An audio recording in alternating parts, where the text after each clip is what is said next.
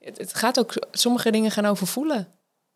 Ja, dan moet je gewoon even in een ijsbad gaan zitten. En eh, die stemmen in je hoofd, die komen dan heel snel tot rust, ook kan ik je vertellen. Ja, ja, ja. Welkom bij de Isabelle Veteris podcast. De podcast voor mensen die al heel veel weten over persoonlijke ontwikkeling, maar even power nodig hebben om in actie te komen. Ik ben psycholoog en in de topsport een van de sterkste vrouwen ter wereld geworden. En samen met experts leer ik je binnen een uur hoe je stopt met uitstellen en met een topsportmentaliteit in actie komt.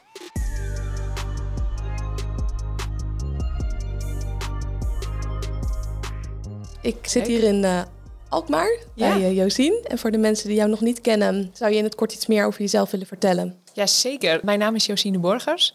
En ik uh, ben sinds oktober 2019 ben ik business coach voor trainers, coaches en consultants.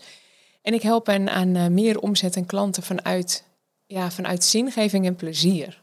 Ja. Vanuit, ja, van echt vanuit jezelf ondernemen. Er zijn zoveel manieren om je business te bouwen, maar het, ja, je, je ervaart pas vrijheid als je het van, echt vanuit jezelf doet. Ja, en wat is voor jou zingeving? Het wordt natuurlijk heel vaak genoemd. Jazeker. Purpose, wat is een purpose? Ja, ja, wat is nu eigenlijk purpose?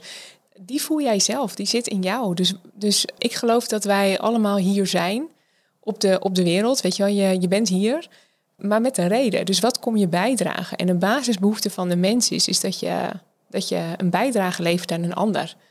Dat geeft vervulling.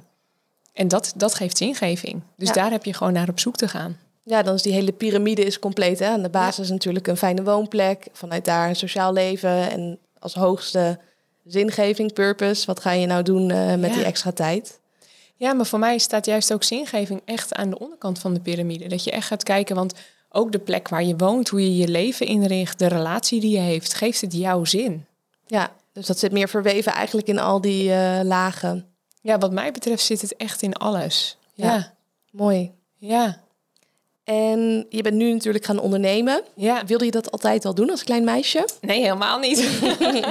nee, uh, zeker niet. Ik kom uh, uit Tuitjehoren. Daar ben ik uh, geboren en getogen. Ja, Tuitjehoren is een heel klein dorpje in Noord-Holland. Ligt tussen Alkmaar en Schagen. Dus door weer en wind fietste je naar, naar school toe. En als je een jaar of twaalf was, dan ging je het land op. Ging je in de bollen werken bolle pellen, bolle schubben, tulpenkoppen. Nou, ik heb alles op het land wel gedaan, zeg maar. Ja, toen ben ik uh, gaan studeren op een gegeven moment in, in Amsterdam. Toen ben ik meer uit gaan vliegen eigenlijk uit het dorp. Ja, want was het iets wat jouw dorpsgenoten ook deden studeren of week je daarin al af? Nou, niet veel inderdaad. Dus iedereen, het is wel echt, een dorp is, het is wel ons kent ons. Ja, het is wel ons kent ons. En ik had altijd al wel de drang om iets anders te gaan doen, zeg maar ja, ik voelde me soms ook wel opgesloten in het dorp. Maar je zit, je zit ook in een, bepaalde, in een bepaalde gewoonte, in een bepaald leefgebied. Dus je doet er ook aan mee. Je weet ook niet beter. En mijn ouders waren ook wel beschermend. Ik heb ook een tijdje in Duitsland gewoond. En ik wilde ook heel graag trouwens bij uh, Endemol werken en zo. En dan vonden mijn ouders, dan ging ik ook echt brieven schrijven. En dan mocht ik daar stage gaan lopen en zo. Oh. Maar mijn ouders die vonden dat dan uh, wel spannend. Uiteindelijk is dat dus ook niet doorgegaan. Ja, want zou je dat wel doen? En uh, dan moet je heel veel reizen. En uh, weet je wel, die, ja, er zitten natuurlijk ook bezwaren aan. Dus sommige dingen heb ik ook niet gedaan. Maar ik, heb nooit, ik had nooit gedacht dat ik zou gaan ondernemen. Want dat brengt zoveel onzekerheid met zich mee. En ik ben gaan studeren, kreeg ook een hele goede baan, internationaal gewerkt. Ja, dat ga je niet zomaar opgeven. Dus uh, nee, vooral uh, veilig blijven en uh, niet gaan ondernemen. Ja, want je ja. benoemt al van ondernemen is veel te spannend. Welke belemmerende overtuigingen had je nog meer over het ondernemerschap? Ja, dat, dat, die had ik toen niet bewust hoor. Maar ik weet wel dat ik op een gegeven moment mijn, uh, stopte met mijn baan. toen had ik zelfs ook niet bedacht van ik, ik, ga, ik ga ondernemen. Dat had ik me helemaal niet bedacht. Maar ik, ik was, zat op een gegeven moment echt op een punt in mijn, in mijn leven waarvan ik dacht, nou, ik weet niet, maar ik, ik voel me zo niet vervuld. Ik ben, weet je wel, ik heb een man, ik heb twee kinderen, we hebben een prachtig huis. Hebt het allemaal? Ik heb het echt allemaal. En ik, ik voel me gewoon niet vervuld. Over, ik, en, en ik ben ook niet het type dat uh, nou, hele dure kleren, handtassen of auto's wil. Of uh, uh, ja, daar haal ik mijn heil ook niet uit. Dus ik, ik, er was echt telkens iets in mij dat niet gewoon dat ik dacht, nee, dit is het niet. Nee, ja, ik, ik mis hier iets. En toen ben ik, uh, ik heb mijn baan toen opgezegd. Ik heb toen ook echt gezondheidsproblemen gehad. Want dat is ook iets dat de hele tijd sluimert. Hè? Het slaat zich op als je er niks mee doet. Het is een bepaalde vorm van stress. En dat, als dat er niet uitgaat, dan slaat het zich op. En dan kan je buikpijn krijgen. Of ik heb zelfs ook heel veel last gehad van uh, dat ik allergisch werd voor allerlei soorten voeding. Ja. Wat niet verklaarbaar was. Oh, maar ik kon er toch niet tegen. Van de kleinste dingen dat mijn buik helemaal opgeblazen werd. Maar is gewoon al die stress die uh, opgeslagen is. Ja, bizar. Ik denk dat ik daar inderdaad een beetje vanaf mijn 15e, 16e, toen heb, begon ik al met stress opbouwen. Dat ik eigenlijk dingen deed van ja, ik doe maar, want ik weet niet beter en ik weet ook niet wat ik dan wel wil. En voor hetgeen wat ik echt wilde, ja, dat, dat, dat, dat vond ik te spannend. Of mijn ouders vonden dat ook spannend, zeg maar, dat ik dat, ik dat soort dingen wilde. Dus ik, ik ben eigenlijk een soort van stramien gekomen van studeren. En, en ik had toen een relatie en die, eh, die ging toen uit. Toen ben ik begonnen met NLP. Was ik een jaar of 21, 22. Jong nog dat je dan met persoonlijke ontwikkeling begon. Ja, zeker. Ja, en toen had ik al van uh, de schuus gewoon iets.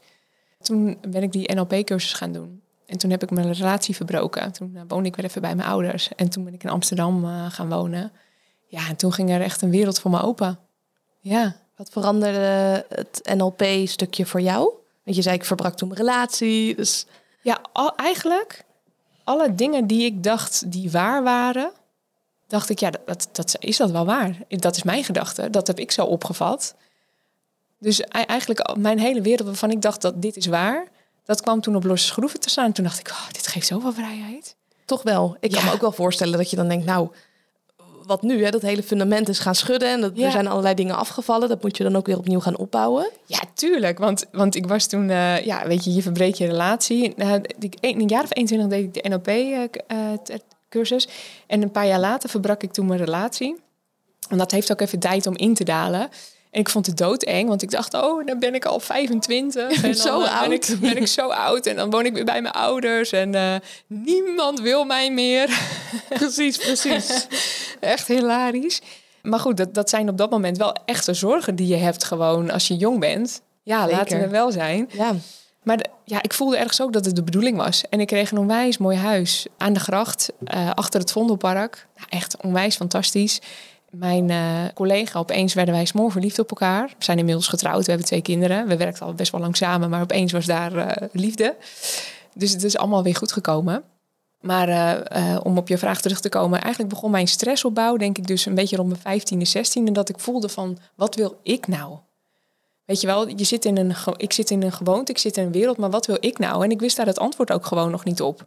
En dat kan je ook niet altijd weten. Hè? Dus het is gewoon, ja, het is nee, een soms moet je loslaten en dan komt het pas op je pad. En dat vind ik ook wel mooi wat je vertelt van je relatie. Je laat het los en je hebt nog geen idee wat er gaat komen.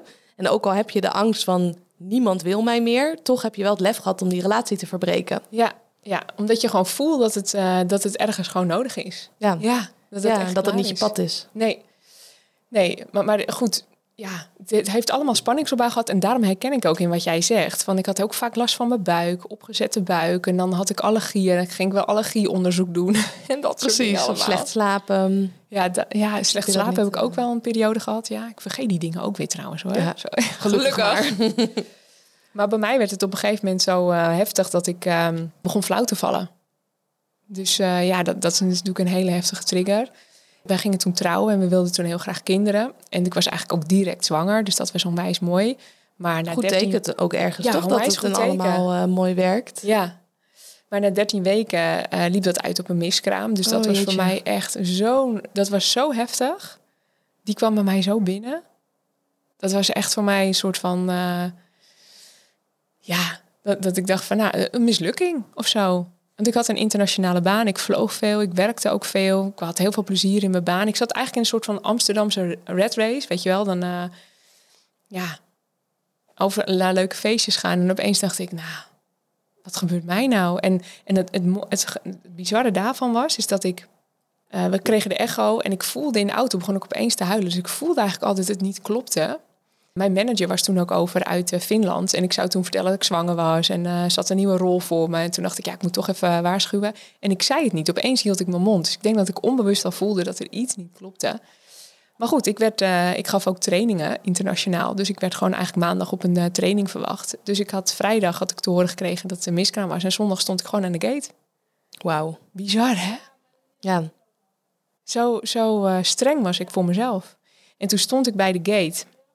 En opeens uh, toen voelde ik mijn buik rommelen en toen dacht ik, oh god, hoe werkt dit eigenlijk? Moet ik nu, ik moet maar schone kleren kopen of zo? Of, uh, en toen opeens moest ik zo hard huilen. En toen dacht ik, wat doe ik hier eigenlijk? Ik moet, en toen belde ik mijn verloskundige. Toen zei ze, wat ben jij aan het doen? En toen dacht ik, oh, dit is eigenlijk best wel gek wat ik nu allemaal aan het doen ben. Ja, maar dat je niet eens bij stilgestaan. Ja, ja, en zo doorgaan. Ja. Ja, en, en dat is gewoon, enerzijds is dat prachtig. Want uh, weet je, ik kom van het platteland. Ik weet wat werken is. Weet je, ik, uh, ik ga wel. Ik, ja, ik maak overal wat van. aan te leren. Nee, ik maak ook overal wat van. En, en uh, ik heb dus echt in die periode was ik zo streng voor mezelf. Ik zat ook echt, weet je, ik haalde ook altijd al mijn doelen. Ik, ik bouwde businesses, dus ik pompte al die bedrijven. Die teams waren altijd in no time succesvol. Targets werden altijd driedubbel en dwars gehaald, weet je wel. Dus ik was natuurlijk super goed in wat ik deed. maar ja, mijn hele zachte kant, mijn vrouwelijke kant, die, uh, daar kon ik gewoon niet bij. En hoe voelde het dan als je wel je doelen had behaald? Nou, het grappige was, dan dacht ik, oh, what's next? Weet je wel? Ja, dus niet dat je dan even die ontspanning hebt, even die win kan vieren. Nee. Ja, op zich ook wel. Want uh, ik werkte dan wel bij een bedrijf waarbij we de successen vierden. Ja, dacht ik, borreltje en weer door of zo. Ja, het vieren en het voelen, dat is ook nog een heel verschil, ja, hè? zeker. Ja. Ja. Ja. Ik heb inmiddels twee uh, gezonde kinderen. Ik was daarna ook weer vrij snel weer zwanger. En uh, dat verliep allemaal goed. Maar toen kreeg ik dus ook heel veel stress over de zwangerschappen. Dus na die miskraam, ja, dacht, toen wilde ik het allemaal zo graag in de hand houden. Dat ik eigenlijk tijdens mijn zwangerschap van, mijn, van Tim, van mijn oudste, ja, voelde ik me ook gestrest. Ja, en toen heb ik zoveel opgebouwd. Je bouwt continu sp spanning eigenlijk op. Ja, en toen begon ik op een gegeven moment flauw te vallen. Dat was alweer na de twee kinderen hoor, zeg maar. En toen dacht ik, zo, nu is het klaar. Ik stop nu met werken en uh, ik ga, is genoeg. Ja, ik ga pas weer wat doen als ik, als ik voel wat ik wil doen. Was het spannend voor jou om dat uh, op te zeggen? Ja, wijs, ja. Ja, want um, ja, het is natuurlijk ook je een mindset ding. Je zwakte voelde het ook wel. Ja, wat jij ook zei van die miskraam, dat voelde als mislukken en ja, een baan opzeggen en niet weten wat je daarna gaat doen. Nee. Is ook niet wat we in deze maatschappij gewend zijn om te doen. Dus wel helemaal geen veilige keuze helemaal geen veilige keuze. Maar, maar wat zo mooi is, is dat je omgeving ook zo reageert. Hè? Ja, ja, ja dat versterkt je het. doen? En uh, wat doe je nou? En je hebt gestudeerd. Weet je, je kan zoveel. En dan ga je thuis zitten. En toen dacht ik, ja, maar wie zegt dat dit forever is? Weet je wel. Ik had na een paar maanden had ik eigenlijk alweer de kriebels om wat te gaan doen. En ik ben eigenlijk vanaf toen onwijs hard aan mijn mindset gaan werken. Hoe heb je dat gedaan? Want werken aan je mindset, dat kan er heel verschillend uitzien. Ja, ik kwam eigenlijk via een Facebook-advertentie op PMA uit. Progressive Mental Alignment. En ik zag eigenlijk een, um, een advertentie over het onbewuste brein. En toen dacht ik, nou, ik ga daar eens op klikken. En toen uh, ben ik die training gaan doen. dan kon ik coach worden, zeg maar. Toen dacht ik, nee, ik ben geen uh, mindset coach. Dat is niet mijn, uh, niet mijn ding. Maar toen heb ik zelf wel een coach opgezocht, Geke. Ja, eigenlijk binnen een paar sessies was ik van het hele flauwval af. Wat goed. Echt heel bizar. Er ging echt een wereld voor me open. Wat was allemaal op onderbewust niveau? Ja, niet ja. te doen. En PMA gaat, kijk, we maken gewoon allemaal dingen mee in ons leven die uh, traumatisch zijn. Dat kan al zijn als je te laat wordt opgehaald bij je sport. Dan kan een kind voelen, hé, hey, ik word verlaten. Of weet je wel, dat kan al iets zijn, zeg maar. Ja, echt in de kleinste dingen zit het, hè? Het zit echt, kan een opmerking zijn. Het kan van alles zijn. Of je werk wat je eigenlijk niet leuk vindt, maar toch kom je elke dag uh, erop dagen. Ja, je komt er. En, en daaronder zitten allemaal onbewuste overtuigingen, onbewuste patronen. Nou, dat weet je natuurlijk als geen ander. En daar ben ik gewoon echt mee aan de slag gegaan. En, en dan gaat er gewoon heel langzaam iets in je zijn en in je energie verschuiven. En uh, toen dacht ik, hé, hey, ik heb er weer zin ergens in. En toen ben ik mijn collega's gaan bellen van, hé, hey, er waren een aantal die hadden een eigen bedrijf gestart. En toen heb ik gewoon gevraagd, wat doen jullie? En uh, hoe ziet de wereld eruit? Ik kom onder mijn steen vandaan. Mm -hmm. had even die rust nodig. Ik had even die rust nodig. En ik vertelde eigenlijk alleen maar mijn verhaal van... hé, hey, ik wil echt ondernemers helpen weer terug te gaan naar... wat voeg ik nou toe? Want we zijn allemaal heel druk bezig met ondernemen. En in, uh, we moeten posten en we moeten dit en we moeten zichtbaar zijn en we moeten zus en we moeten zo. Maar wat wil jij nu eigenlijk? Wat wil jij nu eigenlijk? En wat voeg jij nu toe? Dus wat is nou jouw unieke en onderscheidende vermogen en waar krijg je energie van? Want het punt met heel veel ondernemers is het dat ze heel veel kunnen. En dan doen ze van alles, maar van niet, niet van alles krijg je energie. Nee, en ze doen het daardoor ook niet allemaal goed. Ook doordat dat. ze die focus niet hebben. Ja, Precies. Of ze doen het omdat ze denken dat ze het moeten doen. Dan denken ze ook, moet een online programma maken, want dat werkt. Ja. Uh, maar dat hoeft niet voor jou te werken. Exact dat, ja. Ja, klopt. En die, heel veel ondernemers laten zich echt gek maken over volgers op Instagram. Die hoor ik ook heel vaak. Ja, maar zij heeft heel veel volgers. Ik zeg, het zegt helemaal niks over je omzet, over je winst. En, en, eh, Over je eh, impact ook. oh, dat, ja. En, en over wat bij jou past. Want eh, er zijn coaches die halen hun klanten binnen via Instagram. En ik vind het heerlijk om live te zijn. Weet Ja. je, ik geef masterclasses, events. Ja, daar haal ik echt mijn, mijn lead vandaan. Dat is weer mijn ding. En zo heeft iedereen zijn eigen ding. Maar die moet je wel ontdekken. Ja. En hoe ontdek je dat? Door te doen. Gewoon te proberen. Er zijn duizend en één manieren om je business op te bouwen. Maar het begint altijd, wat mij betreft, bij jouw focus. Focus. T- Toen ik dus mijn bedrijf startte, toen dacht ik, ja, maar dit is toch logisch? Dit weet toch iedereen? Ik heb zoveel producten gepositioneerd en eh, ik ben van huis uit, eh, ik heb marketing gestudeerd. Ik ging producten positioneren, zelf producten verzinnen, vermarkten, teams begeleiden, coachen en dat soort dingen. Dus En je bent een heleboel gaan doen in het begin. ik- ja, nee, dat Of was niet? mijn job. Oh, dat was in je werk deed je Ja, dat. dat deed ik dat. En ik dacht, hé, dit is toch logisch, dit weet toch iedereen? Dat is zo grappig, hè? Want je kracht ligt juist op het punt dat jij denkt van waar het gemakkelijk gaat, ja, daar ligt jouw unieke en onderscheidende waarde. Ja, daar hadden we het net in de voorbespreking Ja. ook al even over. Van het, het, het vertellen van bepaalde verhalen of het geven van bepaalde inzichten is zo vanzelfsprekend dat als je een camera voor mijn neus zet en zegt: Oké, Isabel, ga maar video maken voor YouTube, dat je dan denkt: ja, waar ga ik over ver- vertellen dan? Ja, en het leuke is, van een ander zie je het wel, maar het benoemen van jezelf, dat is dan gewoon eh, lastiger. Ja, Ja. en dan weet je wel dat je in je zone of genius zit. Het kost je weinig moeite, het gaat je makkelijk af, maar het is moeilijk om dan bewust te bedenken van waar ben ik dan goed in. Ja, klopt. Ja. Ja. Ja, en, en zo heb ik eigenlijk eh, de bedrijfsgroei succesformule ontwikkeld. En, en dat begint dus echt bij, dat, bij die focus. Wie ben jou? Wat is, wie ben jij? Wat is jouw unieke en onderscheidende waarde?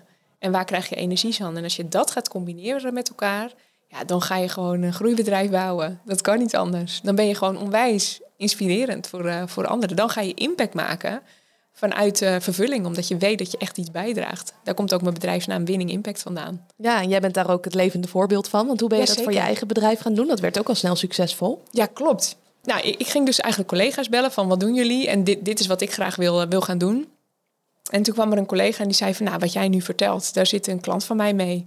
Kun jij haar niet begeleiden? Dus ik ging eh, naar haar toe, ik ging naar Simone toe. En binnen een paar maanden zei ze van, jeetje, ik ben echt een gelukkige mens, dankjewel. En toen dacht ik, ja, dit is mijn bedrijf. Dit is wat ik wil gaan doen. En toen ben ik in oktober 2019, had ik een ehm, LinkedIn-post geplaatst met dit verhaal van eh, ik ga een carrière switch maken en dit is wat ik zie en dit is wat ik zie dat er gebeurt. Terwijl je eigenlijk dit wilt, wie heeft interesse? En toen had ik Super no direct. time, ja, ja, maar dat is ook zo. Ja, En toen had ik in no time 14 klanten. 14 klanten, wauw. Ja, uit één post. Ja. Dat is echt bizar. Die was echt tienduizenden keren gekeken, heel veel gedeeld en eh, echt heel bizar. En ik had echt een fotootje van mezelf gewoon gemaakt, weet je wel. Ja, helemaal in het moment. Wat maakte die moment. post, denk je, zo succesvol? Het, het kwam echt uit mijn hart. Ja. Het, het kwam echt uit mijn hart. En ik heb natuurlijk ook al overal een strategie achter, zeg maar. Dus als je, als je iets doet, dan kan je natuurlijk je actie uitvoeren. En dan kan je denken van, hé, hey, hoe kan ik daar strategisch over nadenken? Dus er zit natuurlijk bij mij ook overal strategie achter vanuit mijn, eh, ja, vanuit business development en marketing, zeg maar, vanuit mijn werkervaring, zeg maar. Dus eh, dat was gewoon een, een goed opgebouwde post vanuit mijn hart. En die combinatie die heeft er wel voor gezorgd dat het eh, ja, om bereik was. En ik had geen website, ik had geen funnels, ik had gewoon die post. En twee kinderen. Ik, werkte, ik ging drie dagen werken, want mijn jongste zoontje die was nog thuis, die ging nog niet naar school. Toen dacht ik, nou, ik, zit wel, ik vind het wel heel goed zo. Ja, Ja. leuke combi ook. Ja. En binnen een half jaar had ik een ton omzet gedraaid, waarvan ik echt dacht. Want ik dacht, ja, ik ga ondernemen. Ik dacht, nou, weet je, als ik eh, het eerste jaar 40, 50.000 euro omzet draai, dan, dan zit ik goed, weet je wel. Dan, eh, dan zit mijn tijd ook goed verdeeld. En eh, toen moest ik ook gelijk echt anders na gaan denken over mijn productstrategie. Over, ja, gewoon anders nadenken over, eh, over mijn hele business. Ja, wat mooi. Om dat, zeg maar, om die klanten zeg maar ook kwijt te kunnen. Ja, dus zo is het eigenlijk gestart. ja, het spelletje is eigenlijk gaan rollen omdat je heel laag begonnen bent. Ik zie vaak dat Ja. ondernemers dan te perfectionistisch zijn. Echt, hè? En dan een prachtige website willen maken, advertentiestrategieën, funnels bouwen. En dan pas drukken ze een keer op de play-knop. Ja. En je bent het gewoon gaan doen. Ja, en, en dan kom je erachter dat het niet werkt, dat je positionering niet klopt. En heb je heel veel tijd en geld geïnvesteerd in, in, in, in actie. Terwijl, ja, kijk nou naar jezelf. Wat kom je brengen? Ga dat vertalen. En dat kan echt een post zijn. Dat hoeft niet helemaal opgetuigd te worden met... eh, ja, kijk, wij zitten hier nu in een hele professionele podcastinstallatie. Zo is het ook niet begonnen bij mij. Nee, Nee. Nee, ga eerst maar eens beginnen. Ik zie echt ook ondernemers die gaan dan al eh, investeren in onwijze advertentiebudgetten en weet ik wat alles. Dat is ook veilig, denk ik. Ja, Op het moment dat je het op die manier doet, hoef je jezelf niet 100% te laten zien. Ja. Dus als het dan niet werkt, dan het niet bij jezelf gaat zoeken. ja, Want als jij een hele kwetsbare, open en eerlijke post maakt en dat werkt niet, is denk ik veel pijnlijker dan dat, ja je, zeker. dat je meer dingen in de externe wereld hebt gedaan om het te laten werken. Je hebt helemaal gelijk, ja. Ja, Ja. dat zit er vaak achter. En mijn kracht is ook dat ik niet... eh, ik loop niet weg voor de pijn. Ik duik er echt in. Dat is niet altijd even sexy, want eh, ja, je kijkt dingen in de ogen van jezelf. En eh, systemisch ook, die eh, echt pijnlijk zijn. Maar het heeft me onwijs groeispurt gegeven. Niet alleen in mijn business, maar echt ook als persoon. Het gaat hand in hand ook, hè? Niet te doen. Ja, ja. ja je moet continu leren weer je business te dragen. Ja, en hoe Ja. meer omzet je hebt of hoe meer mensen je helpt, hoe beter je ook weer voor jezelf moet zorgen. Echt. En da daar, daar, daar missen echt heel veel ondernemers de boot. Ja, Ja. Hè? Ja, en Ja. dan vroeg of laat klapt het helemaal eh, ineen hoeveel omzet je ook draait. Maar als het niet gemaakt is op een stevig fundament, dan zie ik het echt misgaan. ja, Of ook ondernemers die heel veel talent hebben, maar het niet van de grond krijgen omdat dat fundament niet staat. ja. Om hun zijn kan het dan gewoon ook nog niet aan. En dan kan je twee dingen doen. Heel veel mensen die gaan eh, nog meer doen en eh, nog meer acties uitvoeren. Nog meer van hetzelfde doen. nog meer van hetzelfde doen. Of je kan gewoon echt kijken van, hé, hey, wie ben ik en wat wil ik nu? En dan kan eigenlijk soms in een hele kleine aanpassing in je mindset of, mindset of in je strategie, kan je al onwijze resultaten boeken. Ja, en dat zie ik ook echt terug in mijn programma's. Dus dat vind ik echt fantastisch om te doen. En ehm, ik heb zelf ook weer, hè, dat- dus ik startte mijn bedrijf. Ja, na een aantal maanden dacht ik ook van, ehm, word ik hier nou blij van? Want eh, ik merkte dan, mijn zoontje was nog thuis, mijn jongste. En die was nog geen vier. En oh, toen kwam ook corona nog op. En mijn man die had eh, ook een bedrijf, een softwarebedrijf, die heeft hij inmiddels verkocht. Dus ik was er ook echt voor de kinderen. En toen dacht ik, hm, word ik hier nou blij van? En toen ging ik gewoon echt weer even de balans opmaken. Waar, waar word ik nu blij van? Wat vind ik van mijn toegevoegde waarde? Want mensen kunnen wel heel blij met je zijn, maar word jij er ook blij Ja, van? Dat is ook precies. belangrijk. En toen dacht ik, nou nee, ik eh, wil het weer anders gaan doen. En toen ben ik me weer gaan herpositioneren. Wat ben je toen anders gaan doen? Ik richtte me toen ook meer... Vanuit mijn netwerk kreeg ik ook heel veel aanvragen. Want ja, ik, ik kom uit een wereld waar we echt de top 500 grootste bedrijven van, een, eh, van, van Nederland hielpen, zeg maar. Dus van, vanuit een heel netwerk kreeg ik, ja, ging, ik, ging ik bedrijven helpen, zeg maar. Maar toen, ja, dat vond ik gewoon te... De materie wordt dan gewoon complexer, omdat het grote bedrijven zijn. Ja. En toen dacht ik, ja, die tijd heb ik helemaal niet. En dat kostte ook heel veel energie. Dus toen dacht ik, ja. En, en, en toen ook trouwens, dat schiet mij nu weer te binnen, nu we het er hierover hebben. Sommige dingen vergeet ik ook weer. Er waren toen andere zelfstandige ondernemers en die zeiden van jeetje, wat ga jij hard? Wat, wat, hoe kan dat? Wat doe jij? En toen dacht ik, nou joh, dan gaan we toch heel even rond de tafel. En toen vond ik dat zo leuk dat ik veel meer zelfstandige ondernemers ging helpen. In het begin gewoon op uurtje factuurtje. Dat ik gewoon mee, mee ging kijken met hun business. Later werden, werden die, ja, gingen er gewoon automatisch groepen ontstaan. Dus dan ging ik groepen doen. En toen ging ik eh, een online programma optuigen. Die ging ik online en eh, individueel doen, zeg maar. Ging dat eh, combineren met elkaar. En toen dacht ik, ja, dit is leuk, want ik kan nu veel sneller schakelen dan dat je met een MT zit. Dus toen ben ik eigenlijk klein bedrijf en zelfstandig ondernemers gaan coachen. Leuk hoe dat zo is ontstaan. Ja. Dat je helemaal niet van tevoren hebt bedacht hoe dat eruit gaat zien, maar dat je meegaat op uh, wat er voor jou goed werkt en wat goed voelt. Ja, en, en dat is ook, zeg maar, in het ondernemerschap. Ga gewoon doen en ga ervaren en ga voelen wat voor jou werkt. Want dan komt er ook weer iets nieuws op je pad. Ja, we zijn zo bang om fouten te maken dat Ja. we dat soms niet meer durven. Ja. En dat we dan denken, oh, dan heb ik dit helemaal geprobeerd en dan werkt het niet. Oké, dan ga ik het maar helemaal niet doen. ja. Ik ben benieuwd bij jou welke dingen die in het ondernemerschap heel erg worden gepretendeerd als dit moet je doen. Heb jij ontdekt dat er niet voor jou werken? ja, Reels en Instagram, zeg maar. Dan merk ik, ik vind het wel leuk om een story te maken, bijvoorbeeld. Maar iedereen zegt dan van, ja, je moet Reels hebben en uh, je moet uh, op Instagram dit en dat. Doe gewoon jouw ding ermee. Want Reels, dan zeg, vraag ik ook, ja, tof, weet je. Ik had zoveel views op Reels. En dan denk ik, nou, geweldig. Hoeveel heb je verkocht dan? Echt, hè? Ja, geen ruk. Ja, je krijgt Als je wel... half naakt op Instagram gaat staan, Ja. krijg je ook likes. Maar Ja. dat betekent ook nog niet dat dat wat voor je business gaat doen. Nee, dus, dus daarom, dus me, um, er is geen stappenplan. Ja, je, je, denkt vaak dat er een stappenplan is. Maar uh, Dat is ook weer uit je hoofd. Hè? Als ik dit Ja. allemaal doe, als ik reels maak, als ik advertenties draai, als ik ja, nou, deze, aan deze voorwaarden voldoe, dan is het goed genoeg. ja, ja, je komt echt van, van een koude kermis thuis, om het heel even op zijn Noord-Hollands te zeggen. Ja, je moet echt leren jouw ding te doen. En als je dan wel reels doet en zo, dat is natuurlijk fantastisch. Want ja, blijf in beweging en je komt er vanzelf achter wat voor jou werkt. Fantastisch. Kijk, ik had echt al. eh, LinkedIn is echt mijn platform. Dus daar haal ik gewoon. Een, op een gegeven moment ga je dan kijken van hey, wat worden mijn lead-strategieën? Ik zeg ook altijd: ga echt drie lead-strategieën voor jezelf opzetten. Zodat als één kanaal wegvalt, dat niet je hele business eh, omvalt. En blijf het wel meten, want dan weet je ook waardoor het komt. Ik ben nu eh, recentelijk gestopt met advertenties draaien. Oh Ik heb dat echt twee jaar gedaan. Er komt gewoon bijna niks uit. Oh ja. En mijn marketeer die blijft ook zeggen, ja, we moeten hiermee doorgaan. Ik denk, nee, volgens mij moet we er gewoon mee stoppen. En ga ik het op andere manieren doen. Ja. Maar het is, heel, het is niet standaard. Nee.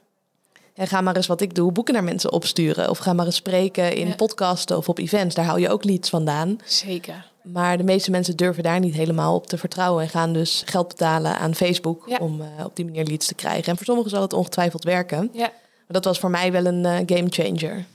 Ja, mensen denken dat dat echt de kortste klap is. En ik ga ook niet aan van geld. Kijk, het is zo belangrijk om onthecht te zijn, te zijn van het resultaat. Precies. En dat heb ik ook moeten leren. Hè? Want toen ik nog een baan had, toen eh, was ik echt, als ik mijn doel niet haalde, dan dat was, was ik mee geïdentificeerd. Dus ik weet ook hoe, hoe anders dat is. Maar als ik nu bij wijze van spreken een week, geen omzet heb, dan vertrouw ik erop. Oh, dan krijg ik dus over drie weken drie dubbele, Ja. zeg maar. Ja, ik zit nu in deze maand dat ik ineens eh, drie dubbele om heb gezet, terwijl de afgelopen maanden minder waren. En in het begin van mijn onderneming zou ik wat meer eh, panikeren. Dat ik denk, "Oh, komt dit nog wel goed? En nu weet ik van, oké, dan komt volgende maand of de maand erop, dan komt het wel. Want je bent de hele tijd aan het zaaien. En soms ga je oogsten en soms weer zaaien en soms allebei. Ja, en soms mislukt een oogst, dat ja, kan ook. Ja, zeker. Dan heb je iets gelanceerd en eh, dan werkt het niet. Nee, klopt hoor. Het is echt vinden van je eigen ding. Maar blijf, blijf gewoon proberen. En ga evalueren en voelen wat voor jou werkt. Want ja, 10.000 volgers op, eh, op Instagram, dat zegt helemaal niks. Ik heb klanten die dat hebben, maar geen omzet. Ja, en ik heb zelf maar een paar duizend volgers. Ja. En eh, ik zet veel meer om dan de gemiddelde mindset coach.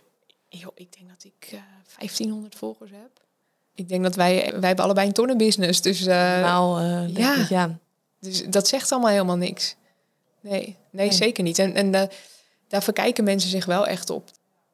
En het is ook net wat je businessmodel is. Dus heb jij meer een high-end product? Ja. Wil jij, ik heb zelf max 10 klanten die ik één op één wil coachen en dan wat in Ja. een groep. En dan hoef je ook niet zoveel volgers te hebben. Maar stel dat jij een fysiek product hebt wat jij op massabasis wil verkopen. Laten we even Nutrition XXL als voorbeeld nemen. Ja. En die maken een paar euro marge op een product. Ja, die willen wel tienduizenden volgers hebben om meer massa te kunnen draaien. Ja. Oh, zeker weten. Ik denk ook, ik heb zelf ook wel eh, gezocht ook naar een, eh, een eh, productstrategie die bij mij paste. Dus ik heb ook wel een, een paar keer groepen gehad waarin ik alleen een online programma draaide. En toen dacht ik, oh nee, dit is niet mijn ding. Nee, ik liep daar helemaal op leeg. Ja, ik ook. Ja. Ja, ja, En ook dat de mensen niet tevreden waren. En dat ik ook Oh, dacht, ja, helemaal terecht. Hier is je geld terug. Ik, Ja. dat, ik snap het. ja. Ja, ik bel ook heel veel. Dus, dus mijn klanten, als ze zeg maar een programma bij mij hebben gevolgd of in het programma, dan bel ik altijd even op gewoon ook hoe, hoe gaat het en eh, dat soort dingen. Bij mij krijg je ook, ook altijd van tevoren wel een intake. Ik wil altijd even weten eh, om welke reden stap jij in. Dus als jij denkt, hey, even een programmaatje volgen, een stappenplannetje en, En zij eh, fixt het wel. kom de tonnen. No way. Dat is echt, het heeft echt met zelfonderzoek te maken. Ja. Kom jij in beweging? Ga jij uitvinden wat bij jou past? Dat zul je echt zelf moeten doen. Ik kan je wel aanreikingen geven, zeg maar. En daar ligt ook mijn kracht. Dat ik heel snel bij iemand zijn positionering doorzie. En dan heb je gelijk al een, eh, een goede basis. En toen dacht ik, ja, die één op één tijd moet gewoon weer terug in al mijn programma's. Ja. ja. Daar krijg ik juist ook eh, Ja, energie ook. en vervulling van. ja, die één op één, maar ook het fysieke contact. Ja, Dus daarom ben ik ook hier naartoe gekomen. Ik heb Ja. ook wel eens dat mensen zeggen, oh, we doen de podcast online. Nou, dat doe ik dus niet meer. Tenzij het echt niet anders kan als ik een buitenlandse gast heb. Ja. Of iemand die zit zelf in het buitenland. Maar je mist anders dat één op één contact en het fysieke stukje. ja, ja dat herken ik. Ja, Ja. Heb jij ooit een online programma gehad? Ik heb wel eens een eh, online Instagram cursus gekocht, weet je wel. Ja, en ik heb heel veel discipline, dus ik volg dat ook echt wel. En, en ik heb ook een coach gehad die ook deels online eh, deed en deels één op één, zeg maar. En dat vind ik een hele fijne combi. Ja. Dat heb ik zelf nu ook, dat ik eh, ook echt een hele online omgeving heb. Dat, want wij, als, we, als ik met een klant dingen bespreek, is het gewoon fijn om dingen tien keer terug te kijken. Dus daar heb ik wel echt een bibliotheek met eh hacks, weet je wel. Ja, je moet gewoon wel bepaalde dingen, strategieën moet je wel gewoon gaan toepassen. Dat, die moet je echt leren. En heel veel ondernemers zijn gewoon onwijs goed in hun vak. Dus die zijn supergoed in wat ze te leveren hebben. Die leveren onwijs wat toegevoegde waarde. Maar het zijn gewoon, ja, ondernemen, daar eh, kunnen ze gewoon geen bal van.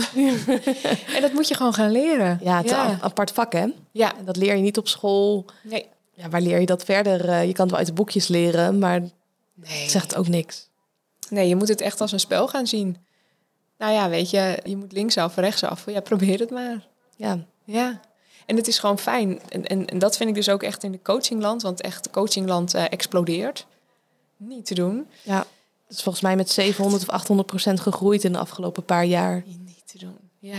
Wat Ja. vind jij daarvan?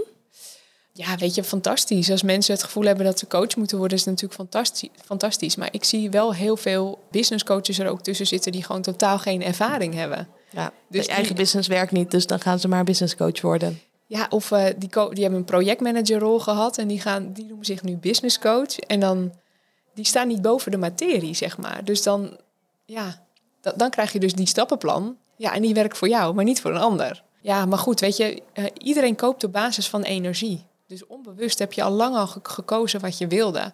En blijkbaar is zo'n coach dan ook weer goed voor iemand. Anders dan zou je daar niet kopen. En ook als het een, misluk, een mislukte investering is, dan blijkbaar is dat ook ergens goed geld. voor, hè? Ja, ja.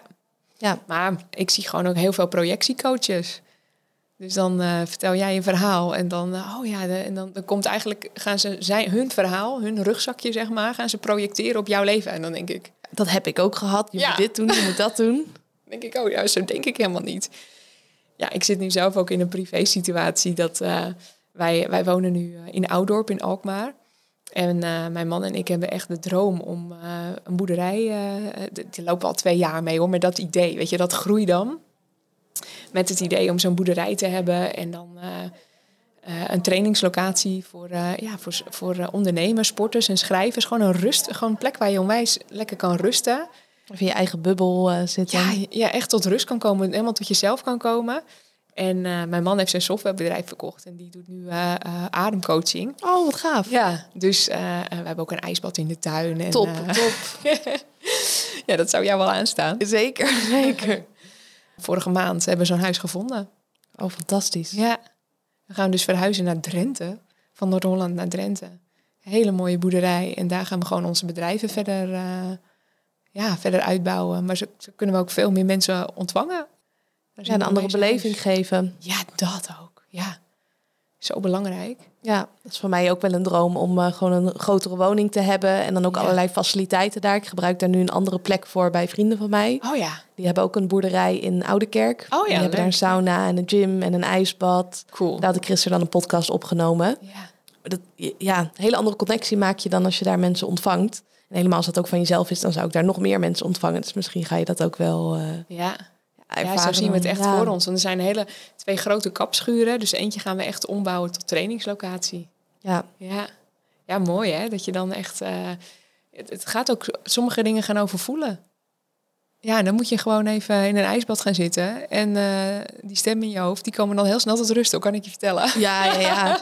Dan denk je niet meer aan andere dingen. Dat heb ik ook met het trainen. Als je met 100 kilo in je rug staat, dan denk je niet meer aan je to-do-list of Nee. aan strategie of aan al die dingen. Ja, inderdaad. Sport is daar ook een goede uitlaatklep voor, ja. Ja, Ja. en als je het hebt over iets vinden wat bij je past. In de wereld van persoonlijke ontwikkeling wordt heel vaak gesproken over meditatie. Nou, dat werkt voor mij dus niet zo heel erg goed. Nee. Omdat een ijsbad of zwaar trainen veel beter werkt. Ja, Dan heb je binnen twee minuten heb ik dan die rust in mijn hoofd. In Ja. plaats van dat je daar twintig minuten voor moet gaan zitten. Ja, ik, ik heb wel echt een combinatie daarin gevonden. Want ehm, ik ging ook echt krachttraining doen.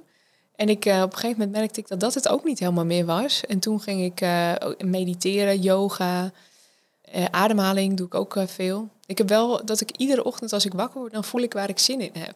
Ja, dus je hebt geen routines Nee, misschien meer. maar, Nee. maar wel echt tijd ingebouwd, hè? Ja. Wel tijd ingebouwd van, van hier ga ik iets doen.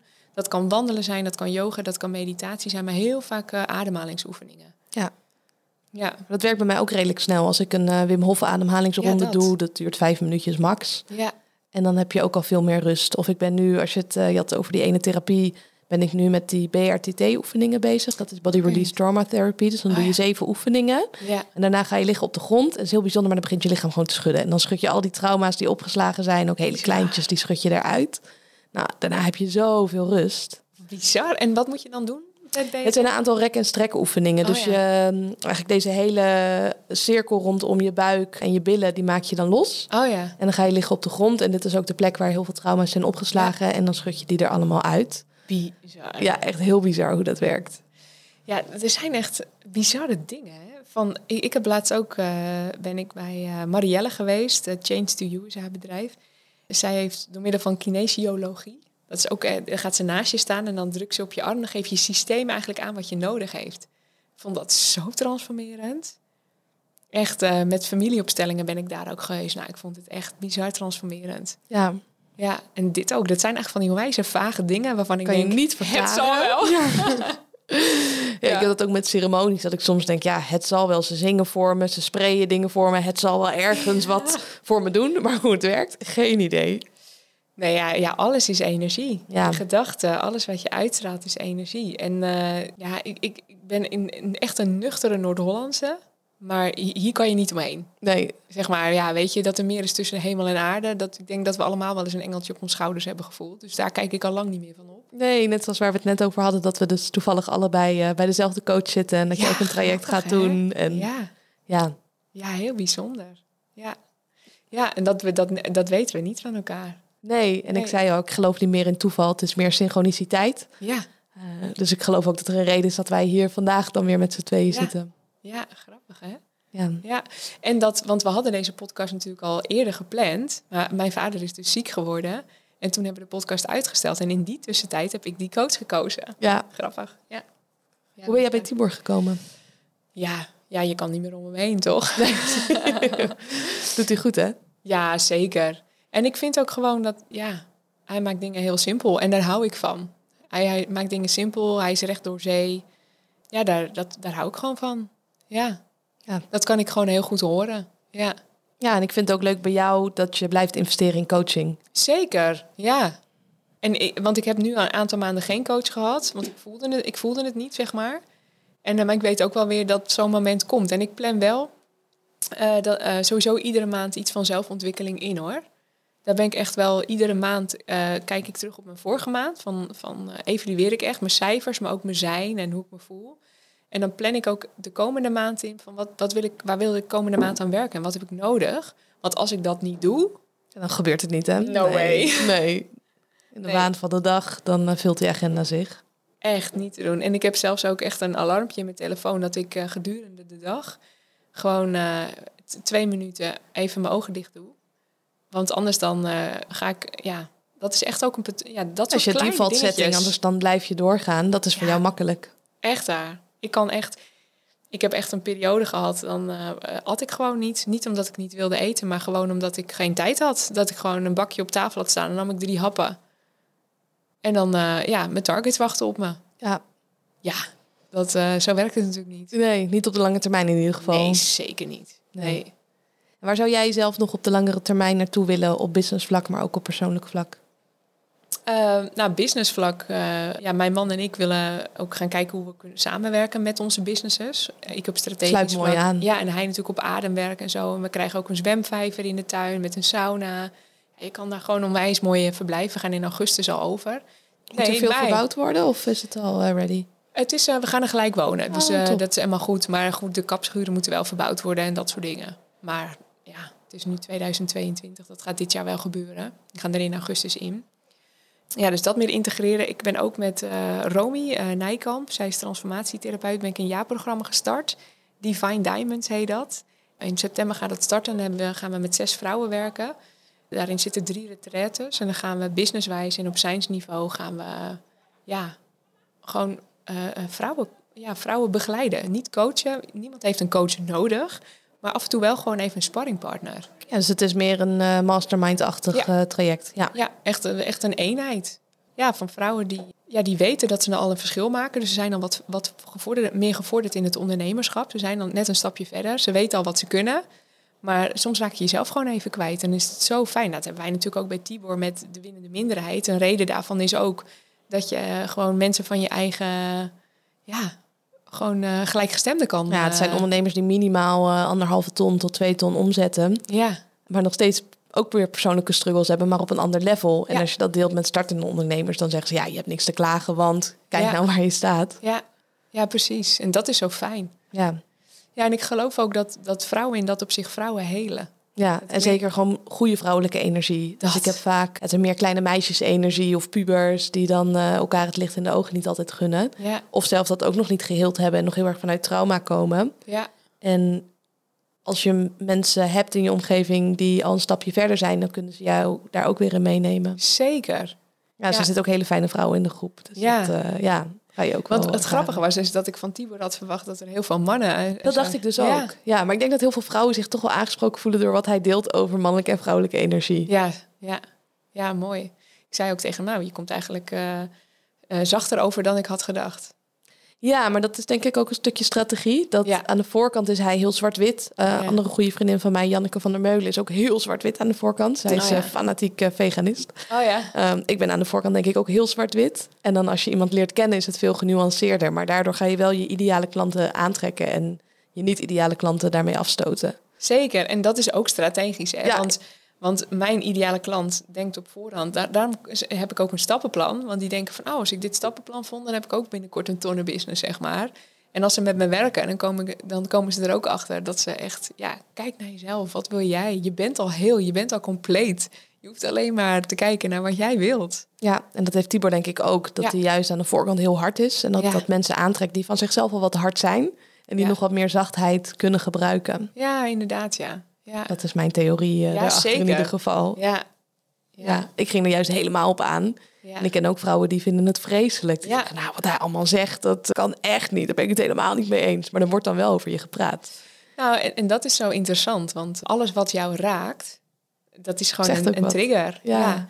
En, en vraag, ik vraag mezelf ook heel vaak af, wat maakt dat dit mij raakt? En, en is dit nog oud zeer, zeg maar? Of is dit echt eh, de manier waarop ik in het leven sta? Zijn dit mijn eigen kernwaarden? Ja, Daarom is het ook zo belangrijk om je eigen kernwaarden te ontdekken. Dat je, dat je iets niet veroordeelt, maar dat je gewoon zegt... oh nee, dit past, echt, dit past gewoon niet bij mij. Ja. Ik zie dit echt anders. Ja, en ik denk ook voor de ondernemers die deze podcast luisteren, dat het belangrijk is om je te positioneren. Dus om Ja. wel je uit te spreken en niet mee te gaan in, ja, eigenlijk niet zo heel veel zeggen met de massa mee te gaan. En, en dat is precies wat er nu gebeurt. Is dat omdat Je praat elkaar allemaal na, hè? echt, er valt geen verschil meer te In maken. je kracht staan en eh, verbinden met jezelf. En Ja. ja. ja, dat zie ik veel voorbij komen. Dat ik denk, dit spreekt mij dus helemaal niet aan. Maar ik denk dat dit niemand aanspreekt. Ja. Je, je merkt op een gegeven moment dat het niet, niet vanuit echt iemands, vanuit iemands kern komt. Ja, ja dat voel je als je dat ja, leest. Ja, ja. En, en dat is zo mooi. Het is allemaal onbewust. Ja, Alles is energie. ja. Je voelt gewoon of iets authentiek is of niet. Ja, ja, of dat ze iemand anders nadoen. En dan voel je toch, je ziet natuurlijk bij Tibor ook dat hij steeds meer copycats krijgt. ja. Maar dan voel ik al bij diegene van ja, je bent iemand aan het nadoen. Dit is niet jij. Ik, ik heb dat eh, ook bij een aantal oud-klanten. Dat ik soms een website zie dat ik denk van... huh? Dit is gewoon... Dit is gewoon mijn website. maar dan met andere kleurtjes. Of, En, eh, en in het begin was ik daardoor... ge- toen dacht ik, nou, ik ga bellen, weet je wel. Wat, wat, wat kan toch nou? niet? Ja. Ja. En nu denk ik, oh, wat een mooi compliment. ja, Ja. En ik gun ze dat ze me vooral niet na gaan doen. Dus Ja. dat ze een eigen ding gaan vinden. Want het gaat niet voor ze werken om mij na te doen. Nee. En ik gooi ook elk jaar weer dingen om. En vorig jaar had ik nog een online programma. En toen dacht ik, ja, mijn doelgroep zijn mensen die uitstellen. Dan is een online programma is helemaal geen goed product. Nee. Of ik heb ook een tijd nog ijsbaden in mijn programma gehad als je niet klant was. Nou, dat heb ik er ook allemaal uitgegooid. Ja. Dus dat verandert ook weer steeds. Ja. Oh, op basis van wat voor mij werkt. Dus Ja. daarom werkt het ook niet om iemand na te doen. En daarom is het ook zo belangrijk dat je je als ondernemer blijft ontwikkelen. Dat je sparringpartners blijft zoeken, omdat jij verandert. Je komt achter dingen en dan is het gewoon onwijs fijn. Van, hey, kan je eens meekijken naar mijn programma? Ik voel dat dit niet strookt. En dan is het zo fijn om even heen en weer te kunnen ja, pingpongen over wat er nog meer mogelijk is. Ja, Ja, vind ik ook hoor. ja. Het is leuk dat we elkaar dus nog vaker gaan zien Ja, daar eh, en waar je allemaal mee bezig bent. Ja. Zou jij qua business nog groter willen? En hoe bedoel je? Ik hoef geen medewerkers per se in dienst of iets dergelijks. Ik werk nu wel met een, eh, gewoon met een team van freelancers. Ik heb een eh, VA. En mijn man heeft vorig jaar ook veel geautomatiseerd verder in mijn business weer. Dus dat is ook heel fijn. Dus dat, dat loopt eigenlijk allemaal wel. Maar ik wil vooral me vrij voelen. En niet hoeven werken. En als ik iets anders wil doen, dat ik dan iets anders kan doen. Ja. Ik wil mezelf gewoon niet klem zetten. En voor mij, ik heb heel lang eh, grote teams gedraaid, internationaal ook. En, eh, dat vraagt gewoon heel veel ehm, tijd. Ja, en, en tijd is voor mij vrijheid. Ja. En, het, het- en niet per se de, de vrije tijd, want heel veel mensen kunnen gewoon totaal niet omgaan met vrije tijd. Die Netflixen het weg en die doen allemaal onzin dingen dat ik denk, ga een tijdje aan het werk met je vrije tijd, zeg maar. Want dit vervult je niet. Nee. Vrijheid is voor mij eh, als, als ik dingen doe die me vervullen. Dus kan, dat kan zijn of gewoon werken, of dat kan in het bos met mijn kinderen zijn, op school als ik eh, op school helpen zijn. Dat ja, vervult het me. En dat is wat eh, bij alles wat ik doe, vraag ik me af, vervult dit me of niet? Ja. En daar maak je keuzes in en, en niet daar, ja. op basis van hoeveel euro's het opbrengt of Nee, die wat tijd heb ik wel vinden. gehad. Ja. Ja, ja. Ik, ik kan namelijk ook met heel weinig gelukkig zijn. Eh, Een aantal jaar geleden wilden, wilden wij kamperen. Toen hebben we eigenlijk een hele oude eh vouwwagen gekocht. En toen zei waarom koop je nou zo'n oud ding? Toen dacht ik, ja, nou ja, we wilden gewoon even een jaar proberen. En dat komt dan niet in me op om eh, een tien keer zo duur ding te kopen, omdat we dat nu kunnen betalen. Maar gewoon, ik hecht daar niet zoveel waarde aan of zo. En ik denk juist dat het daardoor meer op je pad gaat komen. Ja, Omdat je dus ongehecht bent aan het resultaat. ja, ja dat geloof ik ook hoor. Ja. En ook in business heb ik dat gemerkt. En dat merk ik ook bij andere mensen. Als je dan bijvoorbeeld een intake doet met iemand... en je voelt heel erg dat diegene je binnen wil halen voor het geld. Ja, ja, ja. En je gaat overtuigen terwijl er eigenlijk helemaal geen match is. Dan zal je eerder nee zeggen, omdat iemand wat bij je komt halen. niet te doen. Ik, ik heb dat heel vaak met eh, Instagram verzoeken, met LinkedIn verzoeken. Vreselijk. Dan komen ze al meteen met zo'n DM van... eh hey, mooie vrouwen, je moet meedoen. Dit is de prijs, dit is de link. Dat ik denk, Oh, erg. Nee, bij, ik, of heb het anders? ik, ja, ik heb nu juist dat... eh, ja, ik dacht ik ga met je linken, want we komen beide uit dezelfde provincie. En toen dacht ik, oh, ja, right. Goeie link, weet je wel. Ja. maar ik dacht, ik vind het interessant. Dus ik ging hem accepteren. En dan krijg je dan, oh, wat leuk dat we nu gelinkt zijn. Hoe, en dan krijg je gelijk eigenlijk van... Dan komt de eh, pitch. een korte pitch. En toen dacht ik, ja, dit soort dingen. Zo fout. Ja, Dit, maar dit is niet vervullend voor, he- voor die gast ook niet. nee. Ja, zo werkt het gewoon niet. Stuur je dan wel eens een berichtje ook terug om te spiegelen? Dat doe ik niet meer. Oh ja. Nee, want dan m- mensen eh, moeten klaar zijn voor coaching. En als ik, eh, ik heb dat wel eens gedaan van, eh, van hey joh, mag ik je een tip geven? Weet je wel, eh, ik, geef, ik geef zelf ook LinkedIn trainingen. Dan krijg je van mij echt een gespreksformat als voorbeeld van hey, hoe kom je nu uit verbinding en niet vanuit Iets halen bij de ander. Ja, en, en het is natuurlijk goed dat je wilt verkopen, dat je in iemand een ideale klant ziet. Hè? Dat vind ik alleen maar mooi, dat je dat gevoel hebt. Maar de aanvliegroute daar naartoe, weet je wel, gaat niet eens voorstellen als iemand niet koopklaar is. Nee, het is hetzelfde als dat je op een eerste date gaat en je gaat iemand altijd een huwelijk vragen. Ja.